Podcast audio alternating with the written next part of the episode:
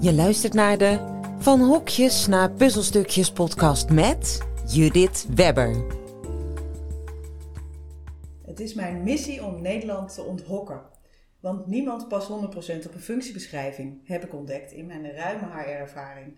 Er is volgens mij een alternatief nodig om meer ruimte te bieden aan talent. Om te bouwen aan vertrouwen, verbinding en veiligheid. En met twee simpele stappen kun je tot een puzzelstukje komen. En groot effect bereiken, weet ik.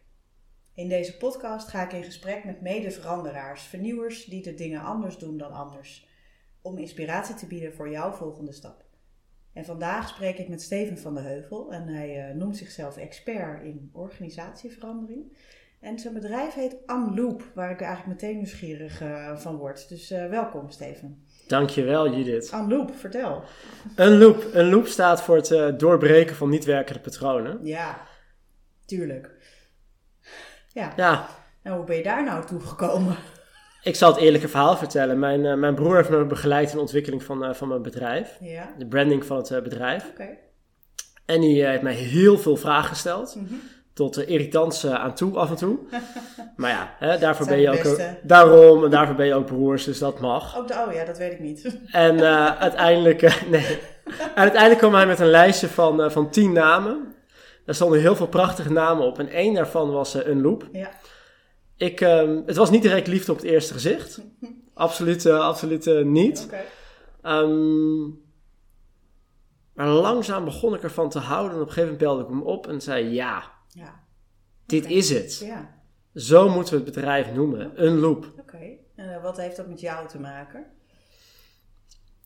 Voor mij is het gewoon in de kern, kern wie ik ben en ook wat de missie is van mijn bedrijf, patronen doorbreken. Ja. Ik heb ehm, elf jaar, bijna elf jaar in loondiensten gewerkt Mhm. als consultant Ja. bij een eh, prachtig bedrijf hier in, eh, hier in Utrecht.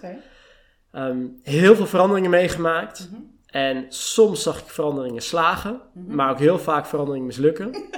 Dat klinkt alsof de verhouding eh, niet helemaal eh Nee, nee, nee. Was. Nee, en dan ook vooral wat, wat, wat, wat is slagen. Ja, wat is slagen? Eh, ik heb wel eens een, ik was onderdeel van een, van een groot programma bij, bij een bank. Mhm. Een prachtig mooi lean-programma. Die banken die moesten terug, eh, terug naar, eh, naar de beurs. Dat was een tijdje ge- genationaliseerd. Mhm. Ja, en dan zag je eh, teams waar het echt als een tieren, tierenlier liep. Mhm. En, en waar eigenlijk ook echt die, die, die leidinggevende en medewerkers eigenlijk bijna als het ware nieuwe mensen waren geworden. Echt heel bijzonder. En tegelijkertijd had je ook teams. We werkten met, met dagstarts.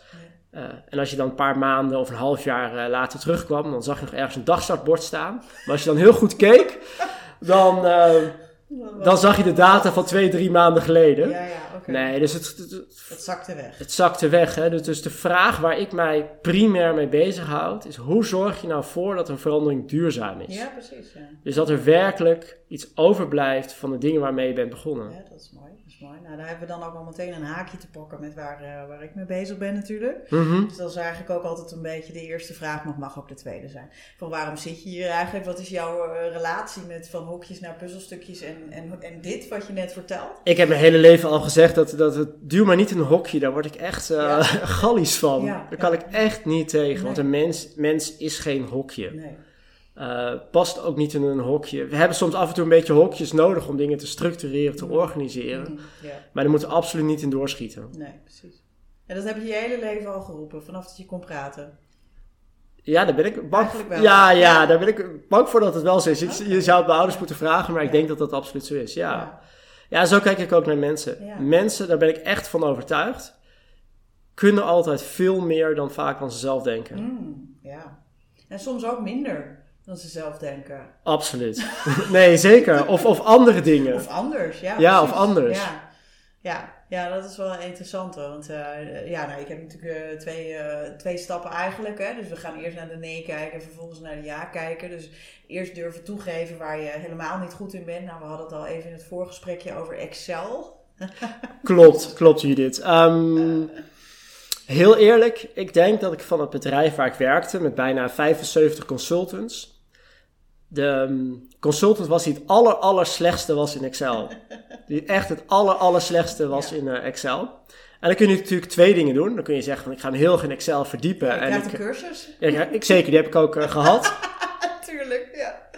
En eh, met ellenlang geduld, mijn, mijn toenmalige co- collega Thomas heeft dat fantastisch gedaan. Met ellenlange geduld heeft hij weer dat allemaal uitgelegd. En gingen Ja. we opdrachten doen en zo. Ja. Prachtig. Ja. Maar na de cursus was ik misschien nou, de één na slechtste. ja. Nee, maar was het wel. dat was het wel. Dus Ja. op een gegeven moment heb ik besloten van ehm, rapportages maken, Mhm. analyses doen, is niet mijn ding. Nee, nee. Ik ben overigens wel heel goed in het ontwerpen van rapportages. Ja, dus als we een discussie hebben over wat moet er nou in een rapportage komen, dan kan ik het echt gewoon zo visualiseren hoe het eruit moet zien. Ja. Maar die rapportage maken vind ik echt verschrikkelijk. ja, dat zijn toch echt hele verschillende dingen. ook. Zeker. Dus, eh, ik ben zelf ook meer van de headlines. Dus, eh, Mhm. eh, dus bij, mij, bij mij was de nee eh, beleidsstukken schrijven. Dus dat, dat vond ik helemaal niks. Dus ik, ik maakte dan een samenvatting van één pagina. En dat was het dan. Maar het moesten er twintig zijn. Ja, dan heb je nog wel wat werk te doen. Ja, Ja. nou ja, nee. Want ik kwam gewoon niet verder dan dat. Denk, Maar hoe ja, lost hij dat op, Judith? Nou, ehm daar heb ik op verschillende manieren opgelost. Ik heb, ehm, eh, ik heb een, een keer zo'n één pagina sheet eh, langs eh, allerlei mensen gestuurd. En dat werkte verrassend leuk. Want die mensen die moesten er namelijk ook wat mee doen. Die moesten er wat van vinden Mhm. ook. Dus die moesten het ook dragen. Wat ik ontdekte door dat zo te doen, was dat ze dus ook mee gingen doen daaraan. En zo werd het dus 20 pagina's, maar dan ook nog gedragen. Eh, dus dat was eigenlijk mijn meest succesvolle eh, ervaring. Klik. Totaal niet bedacht, kan ik je vertellen, maar gewoon echt eh, ontdekt. Zo. Maar prachtig eigenlijk dat je handicap hebt omgezet in een kracht. Ja, nou ja, dat vond ik dus eigenlijk zelf ook de grap ervan. Ik dacht van ja, zeg, je kan het dus gewoon zo anders doen. Ja, want ik wist dus wel op dat moment al dat ik er niet 20 pagina's van kon maken. Dus daarvoor heb ik natuurlijk zitten ploeteren. Dus daarvoor ben ik eh, in, in, in de tijd chronologisch ben ik een hele tijd bezig geweest om er wel 20 pagina's van te maken. Mhm. Wat me gewoon niet lukte. Dus ehm, ik heb ook een keer eh, hulp gevraagd van een collega die het wel heel erg leuk ble- bleek te vinden. En die heeft het een hele tijd van me overgenomen. En dat ging echt eh, als een zonnetje. Dus toen sloten wij als puzzelstukjes op elkaar aan. Dus er is niet, er is niet maar één weg natuurlijk. Maar Mhm. het is, ehm, ik vind het belangrijkste dat het bespreekbaar wordt. Daarmee eh, ja, kom je eigenlijk heel vaak tot allerlei andere oplossingen dan je, dan je van tevoren kan bedenken. Ja, leg maar eens gewoon op tafel. Ja, op tafel. Ja. Op tafel, wat wil je? Ja. Ja, en, wat En, en ook niet? wat wil je niet? Ja, precies. Wat wil je Ja. niet, ja. Ja, dat is toch wel een vrij onbespreekbaar onderwerp in heel veel organisaties, eh, ben ik achter gekomen. Dus, eh, terwijl als ze het dus eenmaal gaan bespreken, dan ontstaat er zoveel ruimte. Dus heb je daar, ken je dat ook? Heb je daar ervaring mee? Ja, zeker. Wat, eh, wat vaak mensen denken is dat ze hun eh, eigen belang eh, ondergeschikt is aan het teambelang of organisatiebelang. Mm, ja. Maar ik, ik vergelijk wel eens eh, ehm, organisaties met, met sport. Ja. Nou, weet je wel, de meeste mensen van ons vinden het prima om rechtsback te zijn van het Nederlands elftal. En als je dan in de basis mag staan en het WK mag voetballen, vind je het prima om, om, om het ondergeschikt te zijn aan teambelang om wereldkampioen te worden. Ja. Ja, ik niet hoor, want ik kan echt helemaal niet voetballen. Dus Nee. daar wil je ook niet rechtsback hebben. Dus gewoon, maar ik snap je. Ja, je Maar in een organisatie werkt dat heel anders. Je wil niet je hele leven lang Nee. uit loyaliteit heel veel inslikken, Mhm. je talenten niet benutten, Mhm. om maar te doen wat er van je gevraagd wordt. Ja. En waarom wil je dat niet? Omdat mensen daar geen energie van krijgen. Mm. En zichzelf daarmee tekort doen. ehm, en uiteindelijk dan wel ja zeggen, maar nee doen. Ja, Nou, ja, krijg je dat. en als je kijkt hè, naar Jan Boek ook, hè, ja zeggen, ja doen. Ja, Het helpt als je gewoon zegt, dit is wat ik echt zou willen. ja. En ook als je durft zeggen, dit is wat ik niet wil. En denk je dat mensen dat weten? Want ik, eh, ik heb al aardig wat mensen gesproken en ook al wat antwoorden daarop gekregen. Maar ik ben even benieuwd naar jou kijkt ook. Soms wel, soms niet. Nee. Maar ik denk dat het heel helpt. En daar, daar zie ik ook absoluut de rol van leidinggevende. Een rol, wat voor mij heel belangrijk is van een leidinggevende, is dat een leidinggever ook het potentieel van iemand ziet. Ja.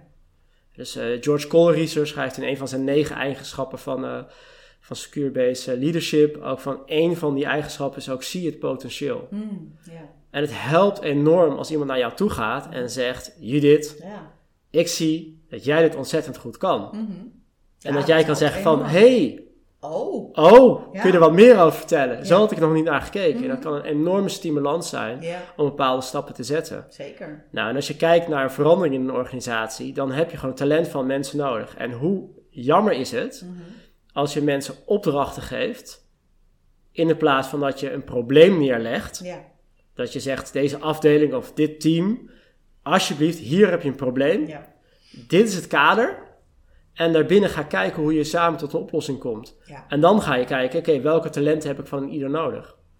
Ja, dat, dat spoort natuurlijk ook veel meer het eigenaarschap aan van mensen. Hè? Dus eh, dat is natuurlijk wel een eh, hot item eh, op dit moment.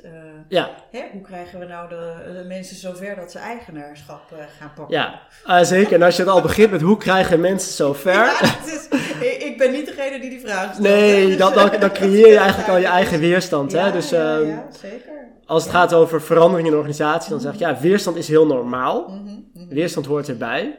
Ehm, want ja, als je naar een verandering kijkt, dan, eh, dan, Ben je patronen aan het doorbreken? ben je patronen aan, het- aan, aan het doorbreken. En als je naar die verandering kijkt, dan denk je, ja, oké, wat, eh, wat levert me dat op? Maar wat kost het ook? En ons brein zit zo in elkaar dat de pijn zwaarder weegt dan, dan winst. Ja. Dus de perceptie van verlies weegt gewoon veel zwaarder.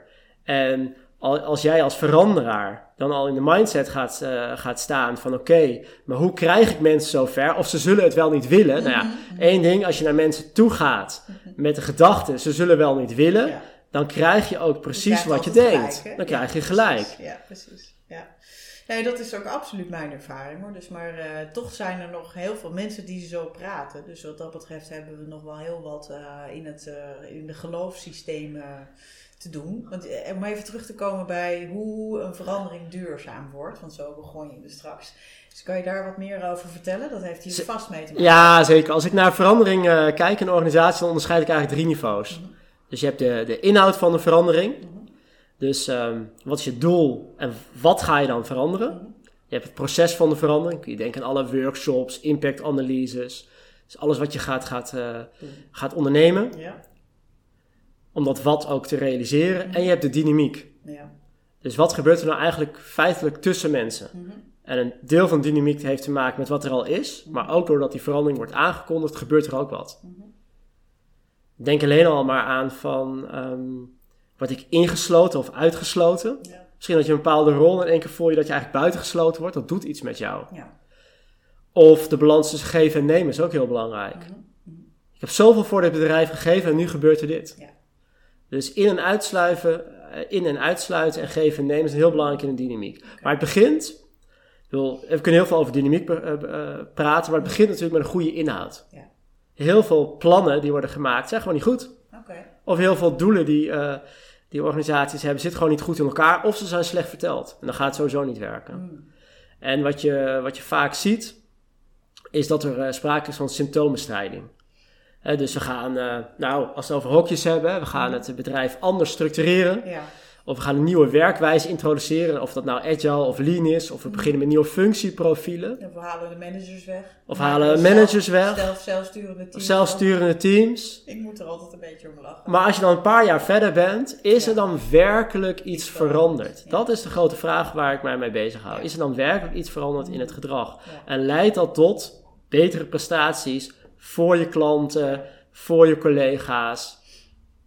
Ja, nou, dat zijn leuke vragen. En eh, misschien dat we het een beetje over de antwoorden kunnen hebben. Van hoe, hoe, dan, hoe dan wel, zeg maar. Hoe, eh, Nou, ik denk dat er twee dingen heel belangrijk zijn om naar te kijken. Dus één is ehm, leiderschap. mhm. En dan het leiderschap van de formele en informele leiders. Oké, ja. Dus eh, ik zeg heel vaak wat, wat er in teams gebeurt, weerspiegelt eigenlijk wat er op directieniveau gebeurt. Mm. Dus de belangrijkste vraag die ik altijd leidinggevende stel is: wat doe jij wat effectief is voor de ontwikkeling van je organisatie? En wat doe jij wat ineffectief is? Nou, daar gaan we met elkaar over in gesprek. Ja. Ehm, en dat is ook een zoektocht. Ehm, maar dat is dus heel belangrijk. Dus leiderschapsontwikkeling. Ja. En wat je van leiders eigenlijk in de kern vraagt, zijn twee belangrijke krachten. Mhm. De ene kracht is sturing geven aan de richting. Mhm. Dus waar wil je nou eigenlijk naartoe? Ja. En dat hoeft nog niet precies uitgedokterd te zijn, maar voldoende dat mensen het kunnen begrijpen en op een feestje kunnen terugvertellen. Ja. En hopelijk enigszins ook enthousiast over worden. Of, of in de tijd, hè, want je wordt niet enthousiast van, zozeer van een veranderverhaal. Of nou ja, hè, er zijn heel veel boeken over storytelling. Hè, een veranderverhaal kan je in, in vuur en vlam zetten. Maar uiteindelijk gaan mensen mee in een verandering omdat ze zien dat het wat, zo, hè, dat het wat oplevert. Oplevert, Ja, Hè, dus- precies. Sturing aan die richting is belangrijk. Ja. Maar het tweede wat heel belangrijk is, is dat je werkelijk support geeft aan mensen om er ook eh, in die richting te kunnen wandelen. Mm. Ehm, en dat heeft te maken aan de ene kant met materieel, praktische support, Ja. fijne werkruimtes, goede regelingen, et cetera. Maar wat er maar nodig is om die verandering te realiseren. Maar ook natuurlijk emotionele support. Ja. Dus op een moment dat je echt in een diep dal zit, ja, dan wil je eigenlijk even een, eh, een, eh, een schouder over je heen. En op het moment dat je een succeservaring hebt, ja, dan wil je ook gezien worden. Ja. Dus je wil gezien worden in, in je succes en in je, en in je mislukking of in je verdriet. Ja. Dus dat is denk ik heel belangrijk. Leiderschap en dat leiders, leidinggevenden, zowel eh, sturing kunnen geven aan de richting als support. Ja. En het is niet zo dat elke leidinggevende een leider is. Nee, andersom ook niet. En andersom ook niet. Nee, precies. Nee. Nou, en het andere is context. En context is altijd een beetje zo'n vaag eh, begrip. Maar ik zal proberen uit te leggen met een eh, voorbeeld. Stel je voor, je hebt een eh, consultancybedrijf en je wil dat de consultants en de verkopers beter met elkaar samenwerken. Mhm. Prachtig, hè? Je wil dat je meer eh, Ja. samenwerkt, zo kun je daardoor kun je grotere en interessantere opdrachten doen. Ja. In de plaats van dat je alleen maar personen detacheert. Nou, prachtig. Daar kun je allemaal mooie trainingen over geven en je kunt, ze, je kunt erover praten en je kunt ze meer met elkaar laten samenwerken en enthousiasmeren. Mhm. Maar als je aan het eind van het jaar nog steeds iedereen individueel beloont, Ja. ja, dan heb heb je een context gecreëerd waarin eh, gaan voor je eigen succes Ja. belangrijker is dan gaan voor teamsucces. Ja, dat is een heel simpel voorbeeld. Ja, nee, maar die ken ik inderdaad wel. Want ik, eh, ik, ik, preek noem dat eigenlijk remmende factoren. Ja, Ehm, dus je wil, je wil iets bereiken, dus je wil een bepaald teamgevoel bereiken, maar ondertussen nou, ben je inderdaad individueel aan het belonen of je wil dat mensen landelijk gaan denken en je beloont eh, regionale eh, teams. Eh, dus allerlei ja, discrepanties eigenlijk tussen wat je zegt te willen en vervolgens wat je aan het doen bent. En dat, zijn, ja, dat kunnen ontzettende remmende factoren zijn. Ook overlegstructuren. Dus eh, allerlei, ja, er zijn echt allerlei van die, het lijken kleine dingen, maar ze kunnen ja het is echt van, van, dagelijkse het is, basis. hè? het is van alles. Hè? Want als je Ja. naar het gedrag kijkt, dan heeft natuurlijk Skinner ook natuurlijk heel veel over, eh, over geschreven. Ja, maar mijn vrouw is orthopedagoog, dus we hebben Oh, er vaak ja. al dat eh, over.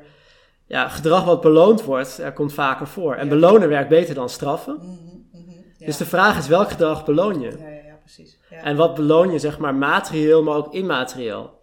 Dus als je nog steeds Ja. ehm, één persoon naar voren haalt, hè, dus je hebt een medewerkersbijeenkomst, ik haal één persoon naar voren, Ja, wat een geweldige salesactie heeft gedaan, precies, of je haalt een groep naar voren, Ja, dat is heel wat anders, hè? Ja. Precies. Ja, ja ik, eh, dat, dat, eh, dat, dat snap ik heel goed. Dat ik, eh, ik, ik ben, ben meerdere organisaties aan het begeleiden op dit moment. En ik hoorde bijvoorbeeld ook een, een club die wilde dan een aantal mensen die een, een, fles wijn bieden en de rest niet, zeg maar.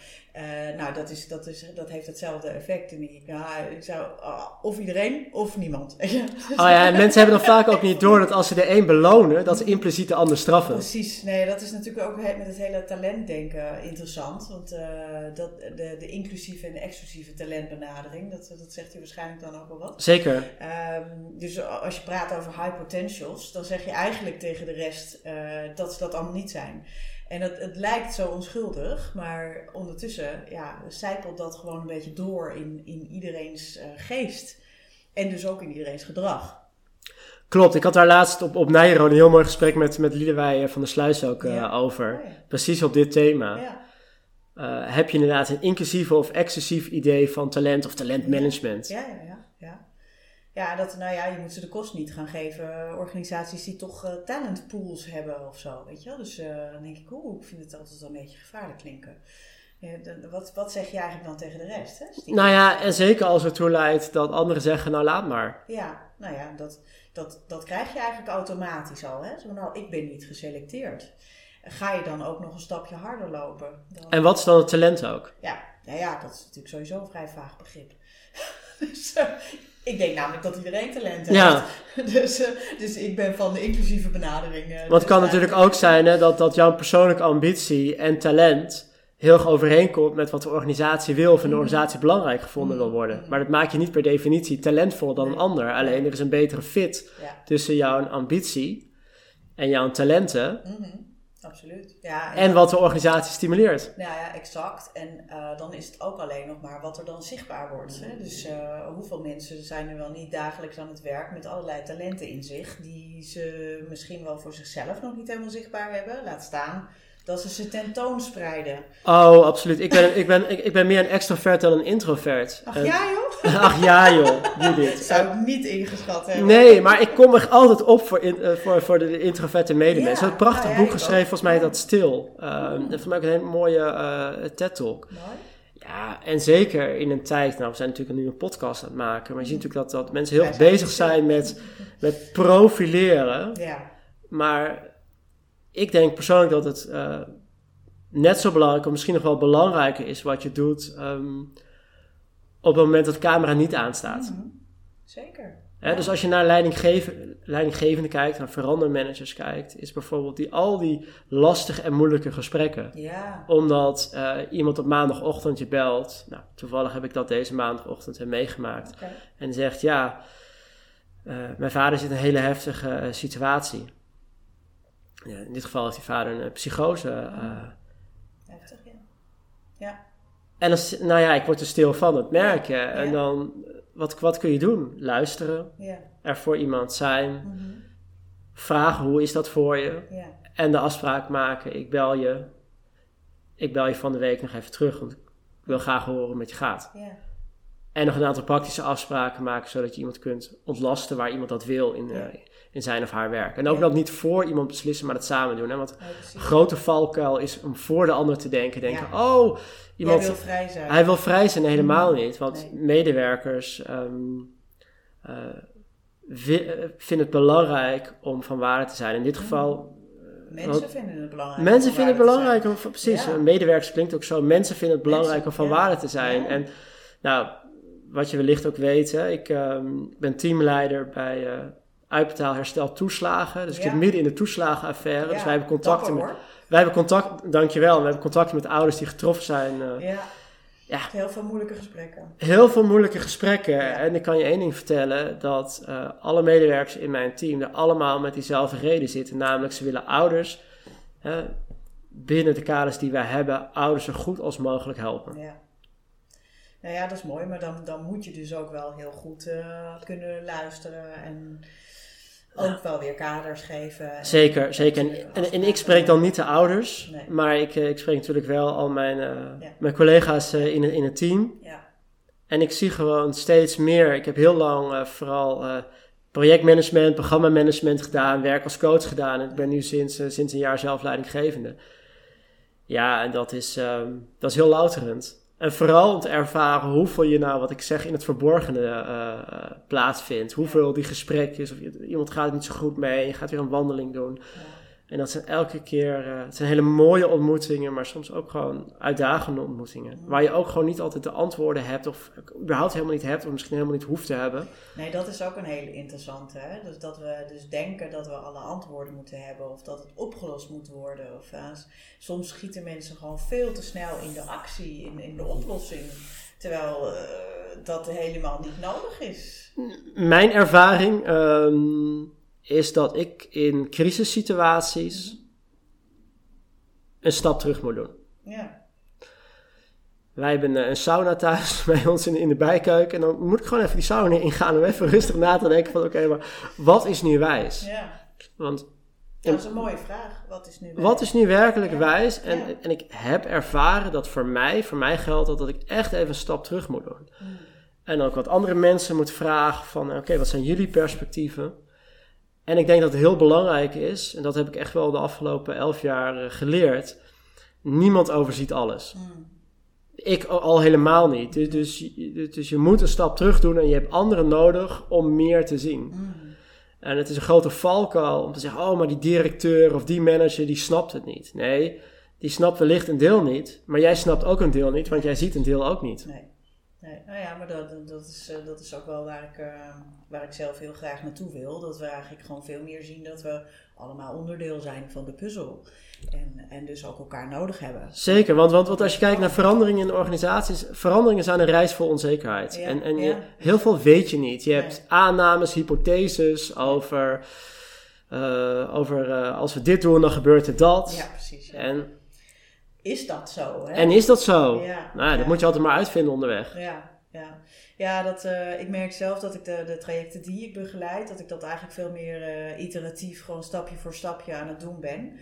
En, eh, en als ik ook uitleg eh, waarom ik dat doe, eh, dan, dan, dan valt dat ook heel goed. Mhm. Van, oh wat fijn eigenlijk, dat we niet helemaal al zo'n vergezicht hebben van we gaan het gewoon in afstemming met elkaar de volgende stappen zetten. En dan zien we elke keer wel wat nodig is. En dit zijn ongeveer de bouwstenen die we hebben. Ja. Die ik in ieder geval tot mijn beschikking heb met, met de mensen om me heen. Ehm, en en, en ja, dan, dan gaan we wel merken wat er verder nog meer nodig is. Of er nog wat meer nodig is. Aan de andere kant, één kant denk ik die ik er wel zelf bij, bij heb, is ehm, padafhankelijkheid. Als je bijvoorbeeld eh, eh, vergelijkt met een huis, wat, je, wat, wat, wat niet werkt, is... Ja, dat is wel eh, eh, lastiger met nee, hè, als, je, als, je, als je verdering staat, zeg maar, eh, dan wordt het heel lastig om die nog, eh, op een gegeven moment als je met het dak bezig bent, Mhm. om opnieuw die fundering aan te Ja, gaan passen. ja, Dus ja, daar zit wel een bepaalde volgordelijkheid ja, er zit soms een bepaalde Ja. volgordelijkheid en keuzes die je maakt hebben natuurlijk invloed op keuzes die je later kunt maken. Dus dat heeft natuurlijk altijd wel een spanningsveld. Ja, dat is ook zo. Nou, ik probeer wel die, die volgorde wel heel erg in de gaten te houden. Dus ehm, ik zou kunnen denken, oh, we komen ergens en ehm, daar wil ik gaan bouwen aan vertrouwen en veiligheid en verbinding. En we willen meer, meer mensen in hun kracht zetten, et cetera. We gaan meteen beginnen met teamsessies. Eh, nou, dat is dan niet helemaal de volgorde, zeg Mhm. maar. Eh, niet in elke organisatie, laat ik het zo zeggen. Dan hangt er vanaf wat er aan de hand is. Dus als je eerst eh, eigenlijk veel meer moet bouwen aan dat mensen daar überhaupt rijp voor zijn. En dat ze denken, oh wat leuk, dat gaan we doen. Weet je, dat enthousiasme. dan heb je daar eerst stappen in te zetten. En dus die volgordelijkheid is daarin juist heel erg belangrijk. An- anders, anders moet je inderdaad eh, terug naar de fundering. Dan denk help, ik sta Ja. al op het dak. Judith, waar ik dan wel nieuwsgierig naar ben, is... zijn- kun je iets vertellen over een moment dat je er achteraf achter kwam... Hmm, dat had ik anders kunnen aanpakken? Daar ben ik te snel geweest of daar... Oh, ik ben heel vaak te snel geweest. Want ik, eh, ik heb heel lang ehm, eigenlijk. Kijk, als je een beetje een, een visie hebt die een beetje anders is dan, dan anders. eh hè, onthokken, dat roept ook niet iedereen. Ehm, en dat, dat roep ik eigenlijk al ongeveer sinds eh, 2013. Nou, toen Mhm. was het al helemaal niet eh, normaal, zeg maar. Eh, dan, ik had het idee eh, dat iedereen eh, reageerde daar eh, in eerste instantie enthousiast op. Eh, maar vervolgens, als ik dan verder liep, dan keek ik om en dan dacht ik, waar is iedereen? dus dus ja, daar ben ik heel vaak veel te ver, ge- eh, veel te snel gegaan. Dus ik ben juist eigenlijk nu heel erg aan het letten op, eh, op afstemming en aansluiting en eh, volgorde. Eh, dus om, juist om te zorgen dat ik dus niet daar sta en, eh, en de rest, eh, weet ik veel, kilometers achter mij. Ehm, dat, dat, we, ja, dat we echt met elkaar gaan. Ja, want anders wordt het wel heel letterlijk onthokken, want dan staat er niemand in dat hok waar Ja, jij... Ja, nou, en het, ehm, eh, wat ik geleerd heb is dat, dat de, de verandering zo snel gaat als dat de langzaamste gaat. Mhm. En dat heb ik eerlijk gezegd juist in mijn privésituatie eh geleerd, niet zozeer in mijn werk. Eh, dus, Dat de verandering zo snel gaat als de langzaamste wil. Ja, kan. Kun je iets meer over vertellen? Kan zelfs. Dus uh, ja, de, de, ja mijn, uh, mijn vriend is een hele tijd uh, burn-out Mhm. geweest. En um, hij wilde zo graag. Dus daar zat het hem niet in. Het zat hem niet in motivatie. En het zit hem ook niet in potentieel, want dat heeft hij ook zat. En, maar hij kon gewoon niet. Hmm. Dus daarom zeg ik wel, het gaat, het gaat echt over kunnen. Dus op dat moment kunnen. In staat zijn om. En uh, nou, dat heeft mij zoveel compassie bijgebracht eigenlijk. Uh, op dat moment was het echt best wel behoorlijk shit. Uh, Ja. Dat durf ik echt wel toe te geven. Mensen in mijn omgeving die weten dat ook wel.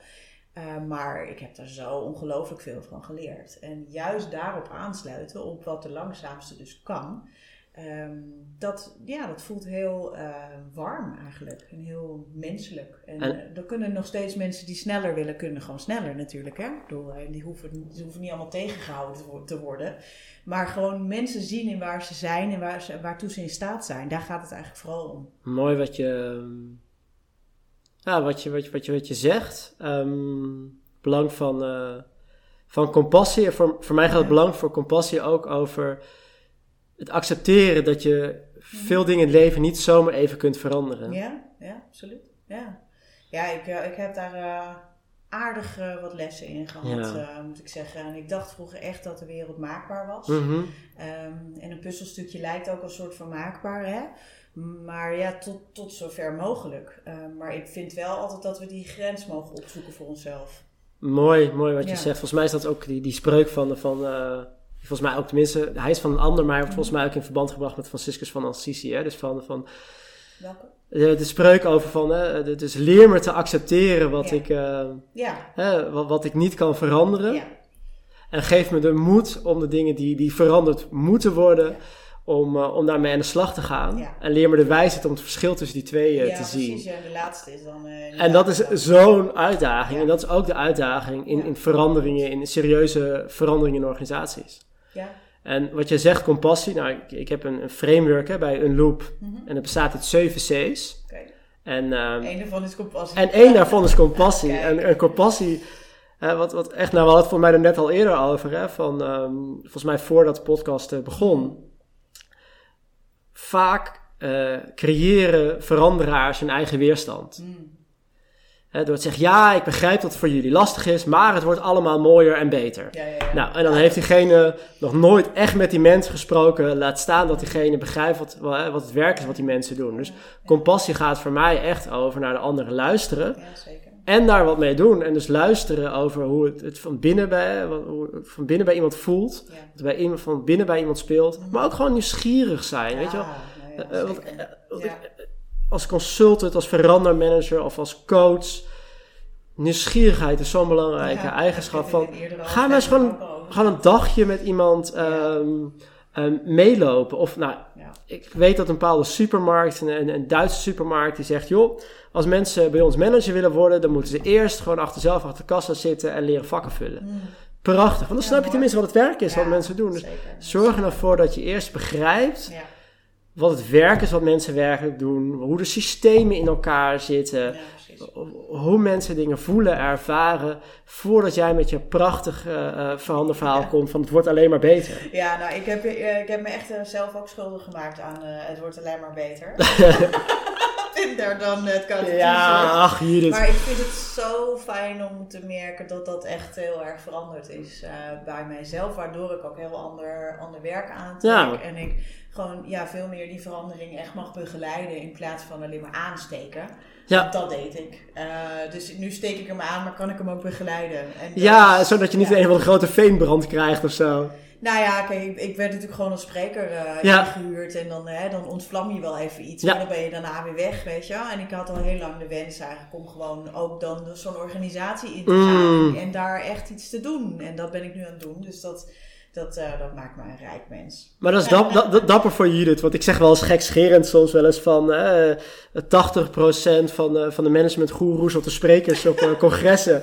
ehm, is nog nooit leidinggevende geweest. Mhm. Of heeft nog nooit met de poot in de klei gestaan van Ja. een verandering. Ja, En 20% kwam erachter dat ze er niet zo goed in waren. Dus het is dapper om gewoon eh, met de poten in de modder eh, te staan. Om eigenaarschap te nemen Eh, in zo'n verandering. Ja, nou, ik heb het de- vroeger in, in mijn rol als HR-adviseur zeker heb ik dat Mhm. ook wel gedaan op kleinere schaal binnen bepaalde kaders.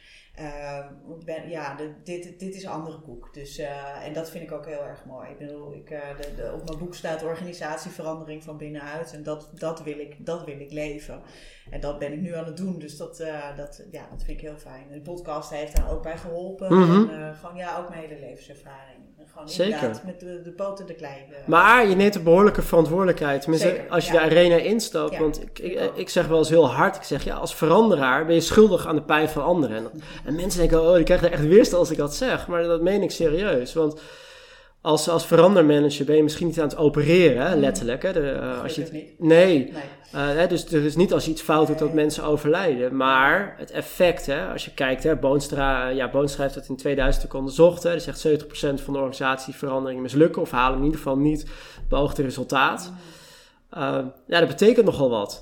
Nou, En dat ik, dat voel de verantwoordelijkheid enorm. Ik, hou ik probeer me minder bezig te houden met de pijn, maar de verantwoordelijkheid, die, natuurlijk, die is er. Die was er al toen ik Ja. kwam. En de bedoeling is dat die steeds minder wordt eigenlijk. Eh, dat is mijn doel. Ehm, maar, en daar neem ik voor dat proces neem ik volledige verantwoordelijkheid over Ja. wat ik daarin eh, kan bijdragen. Ja, En dat, eh, ja, dat is wat ik kan doen. Ja, je kunt niet verantwoordelijkheid nemen voor het leven van een ander. Maar je, door de keuzes die je maakt als verandermanager in je begeleiding, Ja, ja, ja, heb je e- effect op, eh, de, de, de gezondheid van mensen, op het werkplezier van Ik mensen. geloof wel heel erg in eh, dat ik altijd kan bijsturen, zeg maar. Ik bedoel, ik kan ook fouten maken en eh, daar kan ik altijd op terugkomen. En dat, dat zal ik ook zeker doen. Dus Ja. dat, eh, dat ben ik nog niet tegengekomen. Maar als ik het tegenkom, dan ga ik dat zeker doen. En natuurlijk kan ik ook iets, iets, iets stoms eruit flappen. Of eh, iets waarvan je denkt, oh oké, ja, dat had dat effect. Oeps. Ja, Eh, ja daar, daar heb ik dan ook verantwoordelijkheid voor te nemen. Ja, zeker. Nou, herkenbaar. En er is ook zo'n groot verschil tussen onze intenties en ons gedrag Mhm. en het effect van ons gedrag. Ja, ik probeer het zo goed mogelijk bij elkaar te ha- krijgen. dat, is wel, dat is wel wat ik met ja zeggen, ja doen natuurlijk beoog, eh, congruentie. Dus dat probeer ik in mezelf, want daar ben ik wel heel scherp op. En eh word ik gelukkig ook wel op eh, bekritiseerd af en toe. Hoe doe je dat, Judith? Dan ben ik dan wel nieuwsgierig. Ja, ik noem het helikopteren. Dus eh, jij gaat de sauna in. Ik, eh, ik eh, doe dat op een andere manier. Ik weet niet eens precies hoe eigenlijk. Maar ik, ik hang dan een beetje boven mezelf. En ik kijk van hoe... wacht even, ik zeg altijd dit en ik doe dat. En, Mhm. Dus ik ben daar wel heel bewust mee bezig. Dus ik kijk er ook echt bewust naar, geregeld. En ik laat me er ook graag op bespiegelen. Ja. Dus dat, dat is af en toe wel pijnlijk. Maar ik luister er wel naar. Mhm. Ehm, dus laatst had ik ook iets, nou, iets, iets niet zo heel aardigs eh, geschreven. En was ik gewoon even boos. Nou, dat ben ik helemaal niet zo vaak. Maar dat had ik dan toevallig ook op social media gezet. Nou, dan kreeg ik allemaal reacties. Je was boos op social media. Nee, dat niet. Maar ik... De, de, ik Tenminste, je uitte je op een boze manier op social uitte me Ja. op een boze manier op social media. En ehm, eh, ik noemde daar, daarbij één organisatie en de rest liet ik eigenlijk allemaal weg. Want er waren eigenlijk allerlei organisaties, maar eentje die noemde ik. En nou, dat was niet zo tof eigenlijk van me. Dus dat heb ik vervolgens ook weggehaald. Hmm. En ja, daar heb ik me dus wel even. Maar het was een heel mooi gesprek wat daar, eh, daardoor ontstond. En ehm, eerlijk gezegd voel ik nu meer relatie tot die persoon, omdat wij dus zo'n mooi gesprek daarover hadden. Eh, en ik, volgens mij is dat wederzijds, eh, dat eh, hoor ik later wel. Eh, maar dat, dat hij ook voelde van, hé, hey, dat is wel tof dat je, daar, dat je daar ook echt mee aan de gang gaat. En ik dacht ook, ja, nou, dan moet ik dat ook gewoon weghalen. En dan ga ik ook de hele discussie die erover ontstond weghalen. Dan wordt het weer gewoon zuiver. Ja, dus dat is dan even een bespiegeling daarop. Maar Ja. wat mooi dat je zo laat corrigeren. En, Ja. en, en ook dat je het eh, conflict aangaat, waardoor je uiteindelijk Ja. ook heel helend is dat je dat, dat gedaan hebt. Ja, het voelde niet eens als een conflict eigenlijk, maar wel, wel eh, een dialoog. Mhm. Ja, dat dus, maar dat was ook, dit is ook de toon die de ander zet. Hè? Dus dat is een wisselwerking die je met elkaar hebt. En eh, dus ik kan dan eh, mijn toon eh, zacht en compassievol, Mhm. et cetera, en open. Ehm, maar het hangt er ook heel erg vanaf hoe die ander dat aan het doen is. Of ik dat kan aannemen. Ik bedoel, ik ben Zeker. mens. Soms doen mensen helemaal niet leuk. Nou, dan is het echt heel moeilijk om dan leuk terug te doen hoor. Ja, Dan wordt het eerder beleefd, zeg maar. Dat Mhm. zal ik dan wel doen. Maar echt helemaal leuk is het dan niet. nee. En voor mij, voor, voor mij altijd het woord conflict gaat over Een soort botsing of zo. ja, verschillende meningen, verschillende Ja, ideeën, Ja, perspectieven op tafel leggen en daarover in gesprek gaan. Dat Nou is voor mij conflict aangaan. Ja, ja, ja. ja dat, dat, heeft een beetje een andere, andere lading. Ja. Eh, Voor mij in ieder geval. Maar eh, hey, ik moet, we, we moeten een beetje richting de afronding gaan, zie ik aan mijn klokje. Mhm. Dat hou ik toch een beetje in de gaten. Ehm, dus ik wil heel graag van jou weten wat er, eh, wat er voor jou blijft eh, plakken. Je zei nou, ik vind elke podcast leerzaam, dus eh, wat neem je mee? Zo, we hebben echt veel, ges- veel besproken, Judith. Mhm. Klopt. Wat ik heel mooi vond, is dat je zei dat je, ehm, dat je fouten mag maken. Mm. En volgens mij zat je ook impliciet in dat je jezelf daarvoor mag vergeven. Dat heb ik denk ik Oh, ergens tussen de regels, denk ik. is ook naar jezelf. Ja, dus dat je Ja. dat ook, eh, ook zei. Ja. En dat er altijd een eh, mogelijkheid is, of vaak een mogelijkheid is om dat ook te herstellen. En hoe Mm. belangrijk dat is. En daar het gesprek over, eh, over te voeren. Ja. Ja. En, en, eh, ehm, en, die, en die balans ook, wat je zei, van niet de pijn van een ander overnemen. Mhm. Volgens mij hoor ik je dat ook Ja. tussen de regels eh, zeggen. Maar wel ehm, stilstaan bij dat je echt een verantwoordelijkheid draagt. En dat jouw handelen echt effect heeft, Ja. positief en negatief, op, Ja. eh, op anderen. Ja. Dus dat is wat ik er denk ik in de kern uit heb gehaald. Mm, mooi. Ja, dank je. Ja. ja, ik vind dat zelf ook altijd wel weer verrijkend wat mensen daar dan uithalen. Mhm. Eh, want ja, dan ben je inderdaad bijna 40 minuten aan het praten. En wat blijft er dan hangen? Ehm, ik stel mezelf die vraag ook altijd even. Ja, Dus, daar ben ik eh, benieuwd naar. ja, ik, eh, ik ook nog. Want ik weet het antwoord nog even niet. Ehm, Ja, nou wat, wat jij sowieso wel gedaan hebt bij mij is uh, prikkelen uh, op het gebied van leiderschap. Uh, je zei er net ook, en ook toen we elkaar in het voorgesprek spraken, dat een leider niet per se leidinggevende is en een leidinggevende niet per se leider is. En eigenlijk door die opmerking ehm, ben ik mijn eigen leiderschap meer gaan zien. Hmm. En spreek ik dat nu bij deze uit. Dus uh, ja, dat, dat, dat, is, dat voelt wel heel lekker. Dus dank je wel daarvoor. Mooi. Ja. En het klinkt ook dat je je eigen succes mag uh, omarmen. Ja, zeker. Ja, dat hoort er dan ook bij. En mijn eigen falen ook. mijn eigen leren. Prachtig. ja.